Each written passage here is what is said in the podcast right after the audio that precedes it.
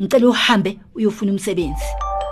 Uzoyithola kanjani hlela ukhoneni yonke into impahla imali. This adulting thing hey. Ukuhamba imali. Uyizinakayihloka tšhelete awunamoto imali. Fanele kube nemali phakathi. Sebenza. Sebenza. Sebenza. Yava mntanam? Sebenza. Welcome once again to another amazing episode of Sebenza Lives Behind the Hustle. Dorozo M, how are you doing? I'm I'm awesome today. Like I'm so great. You're I- extremely excited. You you should know me. Like um, it takes a long time for someone to actually influence me or like Uh-huh. be part of my life and just be my, my role model. So today is like one of the most exciting moments that I can ever have. Fitting we're choosing someone exciting, whether you know him for his dancing or you know him for his marketing, as he laughs at it. We are joined by Sylvester Chauke today. How are you doing, Sylvester? I'm doing good. I'm doing good. It's a good day today. It's really great to be here. now, for those who don't know, and I hate, I, I know it's such an arbitrary question to ask. Those hmm. who don't possibly know, and were born under rock yesterday, who is Sylvester Chauke and what does he do? That's always a big question. Who is the best talker? Currently, um, I'm the founder and chief of DNA Brand Architects, a marketing and brand agency in Johannesburg and in Cape Town. Um, on the other side, I'm um, a crazy cool marketer extraordinaire, lover of Madonna. Um, I'm sure you were celebrating this week, wasn't you? I was actually celebrating this week. I did enjoy uh, the music video. I'm not quite sure about the song. Mm. I really am not quite sure about the song. I was a little bit sad actually because I thought you know the song could be a little bit hotter. Um, but I love uh, creative ideas. I love um, you know creating things from nothing. Um, I love people that are in the creative space that are charting new uh, territories. I love challengers that are wanting to make things different around us. So um, generally highly creative, highly interested in things that are uh, about changing the narrative for um, what young black people can do. Yeah. Now it's quite difficult, you know, as, as someone young, when you go, okay, this is what I'm gonna do with my life. I'm gonna be in marketing. Your parents gonna go, oh, really? Yeah, because Are you a everybody's like doctor? doing marketing. So what does Sylvester do day to day on a day to day basis? What what what, what is your, your sort of responsibility? Interesting uh, thought about uh, what um, what generally family Mm. think when you say you're going to study marketing or PR or advertising because it is non-traditional right? And i think that that's very very true. But the truth is that um, initially you know growing up from primary school into high school i actually wanted to be many things a teacher a dancer a journalist um, a lawyer you know whatever that was on tv i wanted to become Mhm. well you know what i liked A slasher. um, you know, a slasher, totally. And it changed depending on how I was feeling. Um, but it only really took um, some time to realize that there is this career called marketing and brand communication. So I didn't know about it. Um, I just found myself actually in a space where I was shooting a TV ad and I was like, okay, this is interesting. What, what is this for? And that really, you know, led me to the interest in marketing and advertising, understanding that that was what it was.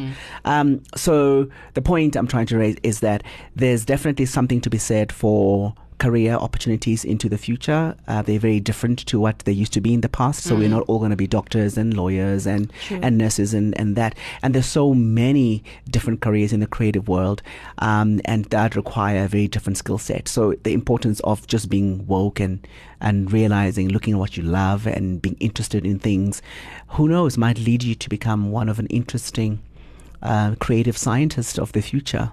I'm glad you mentioned woke in a way. How has the industry changed over time? I mean, you've been in the industry since I think 2006. Um, I've been in the industry uh, for. I started when I was 18 years old. I actually did my internship, so it was. It's been over 21 years, Mm. and um, the industry is a an incredibly slow changing industry. Um, it's highly untransformed, um, and it's not really moving um, as much. The what do you think makes that sort of that that's that, that's that sort of stuck? ownership. Uh, it's ownership. It's that um, it, it's sort of the industry sort of belongs to a very select few people. Um, and few companies, um, and as a result of it, they almost have become the the the owners of the industry, so to speak, and the uh, the um, they they they guard the gates very carefully. So to play in that category, in that industry, you always know that you're fighting against the grain pretty much every single day. Um, and when you, particularly when you're coming in as a as a black um, entrepreneur who goes going to be getting into the space that is so highly untransformed, it's not an easy place. So it has not transformed as much. Um, when I was an intern, they used to talk about transformation and all of that. And 20 years in, we're still talking about it like it's still as fresh as ever. Uh, there aren't, there isn't enough being done, and we need to be the ones that are doing something about it. Wow. Especially when people are calling themselves like influencers and stuff like that. You're always going to think that the marketing space has like opened up. Mm. But also, like on the real though, like especially when you have a company as mm. big as yours, um, what kind of skills do you need? Because people think that being creative is just about an idea and making sure that idea becomes successful. Mm. But it takes more than that, you know. That's a beautiful question. Um, she, people say I'm creative, and I'm saying, but what is that? Um, What are you good at? So, for me, and this is a, a very important question I always ask in, an, in in any interview. At least if I'm sitting in that interview, it'll be, so what are you good at? So what do you do well? So generally, I want to gauge whether are you a good writer? Um, can you think conceptually? Um, are you a good uh, project manager? Can you are you detailed oriented? Um, can you move projects forward? Because creativity, um, without it being channeled, it's a waste. So it needs people that know how to channel it and harness it yeah, into true. you write it or you manage it, you process it, and things like that. So I think what I generally look for is what are you going to be offering any company or anyone who works with you um, that they don't currently have. So, from a creative point of view, you want to think about that uh, in terms of what is it that you're going to do for this particular company or for this particular individual um, that you can help them with, particularly from a creative point of view. Wow. No, you had quite the the, the, the, power in or position when you were part of Nando's marketing back in 2006, which has come to define what is Nando's as we know today. I mean, you what were you 25 at the time, I believe. Yes, I was. Uh, yes, I was in my twenties. Are we trying to take out his age now? Like, what what are you trying to do? I don't mind. It's always nice to because sometimes you look back, you just think, "Oh my god, This is was like this is like a long time ago." Mm. Nando's was an amazing space um, because it allowed me to to be um, more connected to what I love to do, which is really coming up with really great ideas and, and be able to do it in a space that allowed and that wanted it to to happen was amazing. Um, it also was a space where I found myself more. I was very comfortable, and funny enough, I um, had been in advertising agencies before that, um, and I'd been very comfortable in that space. And moving into sort of a marketing, a traditional marketing company, um, was actually quite an interesting shift for me. But it was a comfortable shift because I'd been working in advertising uh, for many years before that. Um, and it was a challenging thing. I mean, uh, the CEO at the time, Kevin Utian, used to say to me, um, "Is it going to be a great ad campaign? Is it amazing?" And I'd be like, "Yes, it is amazing." So you have to learn to believe and trust in your ability to Your deliver yeah. um, a cool idea on demand or when it's needed and be able to manage a team and manage the advertising agencies that worked with us at the time to deliver on that great concept and campaign. It gave me confidence. It challenged me. Um, intensely made me it made me sick sometimes and nervous because you were chattering into very different spaces but the fact that nando's allowed me to do that i'm forever grateful for that opportunity um, it has really become a um, I think the watershed for how I do things and generally how I approach uh, marketing. How did you find your voice? I mean, and that's what I was trying to gauge there with the age. Like, it, you were quite young, and, and you were in the young. space that you do still feel is, is, is slowly Mm. transforming, not not fast enough. Mm. How did you find your voice? And like, this is how Yeah. I see things going. I want to be Mm. very creative in how things happen, and, and, and that kind of. I think it was a a, a um, sort of a few things all coming together. I think at the right time. Mm. Excuse me, and prob probably some divine intervention. because I grew up very awkward, so I knew that I wasn't really like everyone, and I was a bit funny and strange. And of course, I had, I had my own internal fears uh, based on my sexuality. So I was very concerned about that, how people see me, how they view me. And so when I worked into an, a working environment, I almost in a way was ashamed of it in a way you know um, i was nervous and i was awkward but i knew that i needed to overcome it so somehow i found that when i was working in the creative space that didn't matter because I was just being crazy and cool Yeah. and creative. So it allowed me. I felt like okay, I don't have to be weird and awkward here. My awkwardness is celebrated here. It's weird, and um, it's cool that I'm weird. It, it works for me in this space. And uh, your question was, where did I find my voice? I would say that um, when I started feeling more comfortable with who I was personally and I wasn't feeling like my awkwardness was an issue, I felt more comfortable to voice my opinions at work, voice what I thought of, and without feeling um, like I would be either discriminated against or it didn't matter to me what people thought and felt as long as I felt comfortable and confident about what I wanted to do. I would say that's really where it started happening. Um, but it takes time and it takes a lot of work personally to be able to get to a space where you're comfortable with yourself um, and that um, you are able to let your, your true vibe, you know, stand out at work so you don't feel like you you are acting or you're bringing a different person to work. All right. We're going to take a very small break and we're going to dive deeper into what it takes to really be It's a very CEO Oh, come Shopping.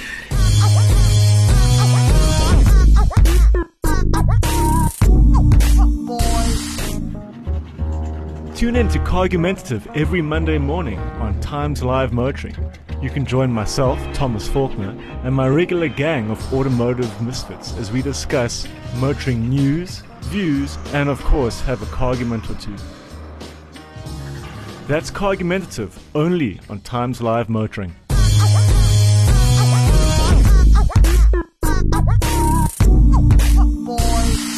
Right, welcome right back, guys. Uh, Welcome we're still with back. Sylvester. Welcome back. now, Sylvester, you have had so many great positions in your life, and not all of them are necessarily within marketing. Now, you had the World Economic Forum, where you World Economic Forum. World Economic Forum, if Mm. I'm correct. I just had to say that. just had to repeat that. It's not just South African. It's the World Economic Forum. A heck of Yeah. an experience. What did you take from that? Yes, yes, yes.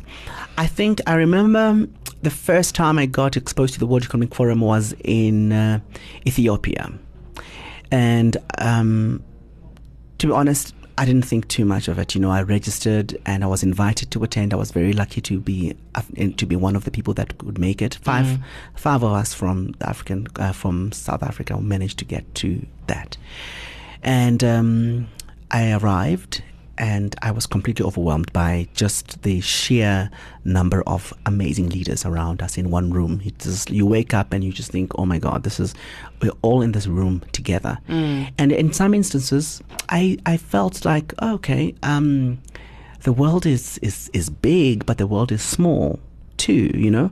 And the fact that I was there felt like I needed to absorb as much as possible. So the experience was that you gotta just you know, stay woke, open your eyes, speak to a lot of people, engage a lot of people, attend as many sessions as possible, get to engage with people. So it was very, very helpful um, in opening up my ideas about. Um, or my expectation of what leadership is on the African continent. So it really, really helped me to shape how I fit in within the African context of leadership.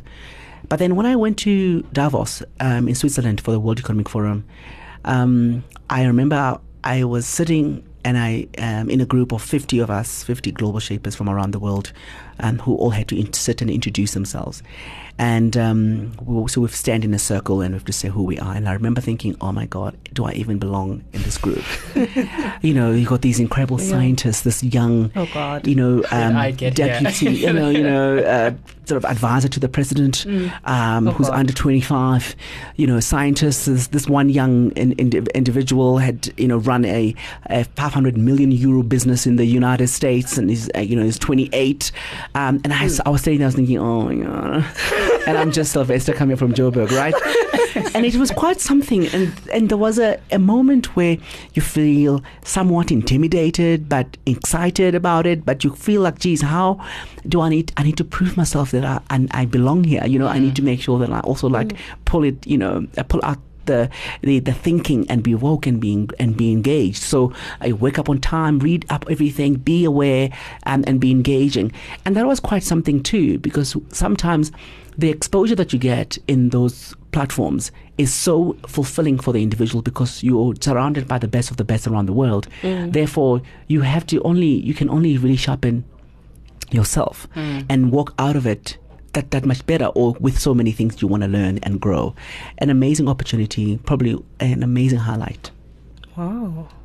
So with all that has happened in your life, like when you wake up in the morning, like oh you look at yourself in the mirror, you're like Sylvester Chauke, like how did I make it? Like what's your answer? Like what keeps on motivating Oh. you or how have you been motivated to just wake up? Because sometimes you know as people, like I'm a fan of Sylvester Chauke, but you will see yourself and be like, "Ugh, I'm just an ordinary person and whatever. Mm. But not to find out that there's someone out there who is like dying over you, dying over your success, and they will want to be like Mm. you uh, one day and just reach everything that you've done. Like, so when you wake up in the morning, how do you feel Mm. to be like, How do you remember? how, this is me, I've made it, you know? Mm. and it's actually quite amazing because um, what you're saying is is so true I don't look at myself in the mirror and think oh wow you are like amazing you know because I just Yeah. think there's so many really really great men and women around the world that I know you know? So many great men and women who run companies so much bigger than mine. Um, they do so much bigger things than I do. So I think that always keeps me in check to say you know you, you're not all that you know? There's there's so much bigger things out there. And so you have to kind of calm down and and wake up to yourself. But over time I've come to appreciate that I must not take this for granted, you know. Mm. So understanding the fact that I may think of it as just being ordinary, but it's not so ordinary to someone else. So I've come to appreciate it when I hear it from people and say you're an inspiration or this is really cool. I love what you're doing. I model my company on yours. Those kind of things. It makes me feel incredibly valued and valuable. Mm. That not, just by living my life in the way that I do is inspiring someone else to take something out of it is really incredible. But I mean, you say I may I made it. I'm like, oh, no, not at all, uh, not yet. And I think you know, I, Yeah. I acknowledge that I've been blessed in many ways, right? And I don't take that for granted. But I do think that the minute you get too comfortable, um, that's definitely a very uh, dangerous place to be. Zone, yeah. So I always know that I've got to do better, and I know that I've got to, I've got so many other things to learn, and I'm open to learning them. What has been the recipe, would you say, to not only finding talent for your own team, but also keeping it? Because you've got quite a formidable team. I think I have. I'm very blessed to have the right team. I think the environment creates some good, some good leaders, and I'm very proud of that. Um, uh, DNA Brand Architects um, has had many people walk into its doors, and you will never walk out of it the same. Um, and that's important. You will walk out of it so much better and so much greater. And for me, I've always understood that it's important that that takes place. Particularly when you look at us brown kids, we need to make sure that, um, you know, we are very successful in every corner. So it is in my interest to ensure that everybody that walks in gets to learn as much as they need to. And if they stay long, great. If they don't, they step out. But I would like them to continue to be even greater out there so that I can have had, I would have had a, a part to play in, in that success.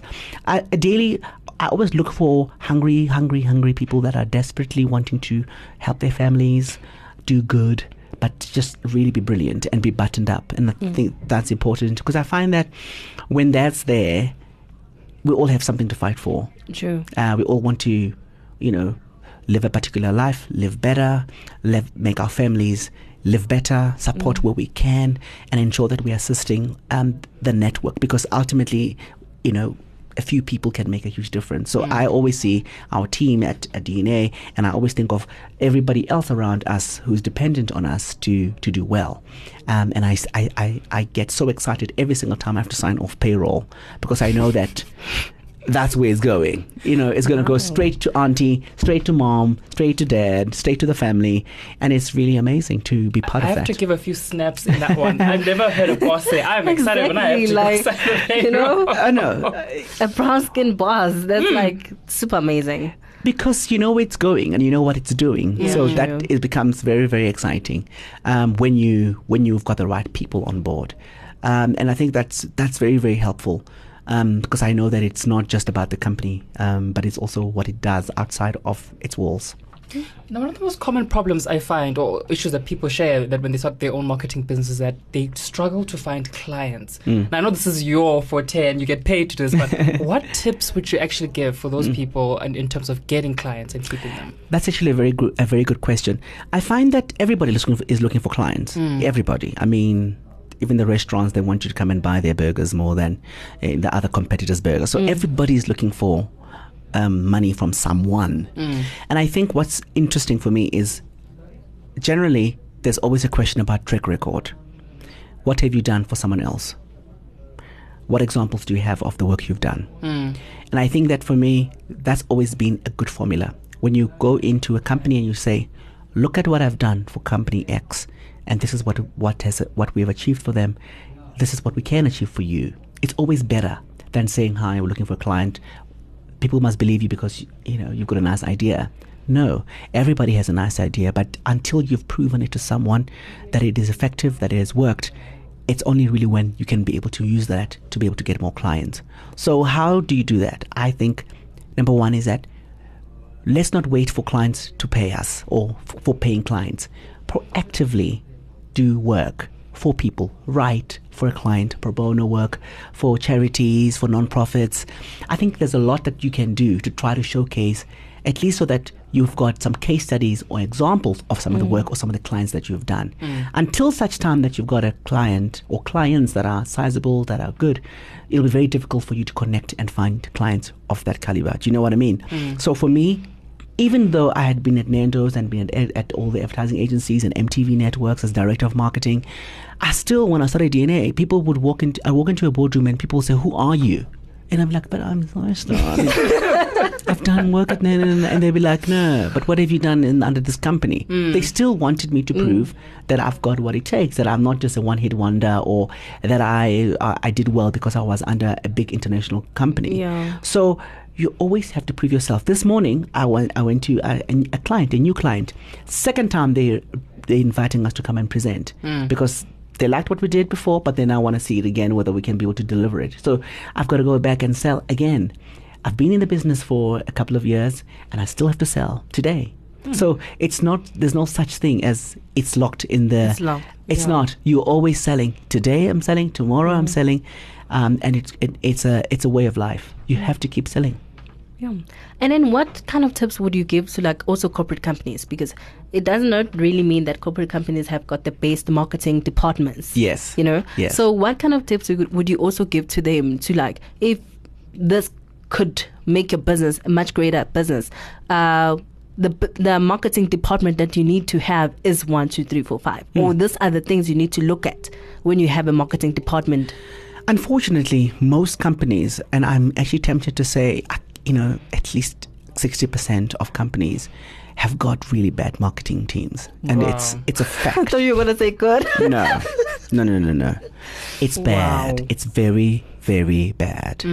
Um, old school, old thinking, um, old people. It's actually very challenging. Um, people are not that connected to their consumers and they're not connected to what the business is, is looking for. So, already because of that challenge, there's a lot of opportunities to be able to go and assist these marketing companies if they are open to it.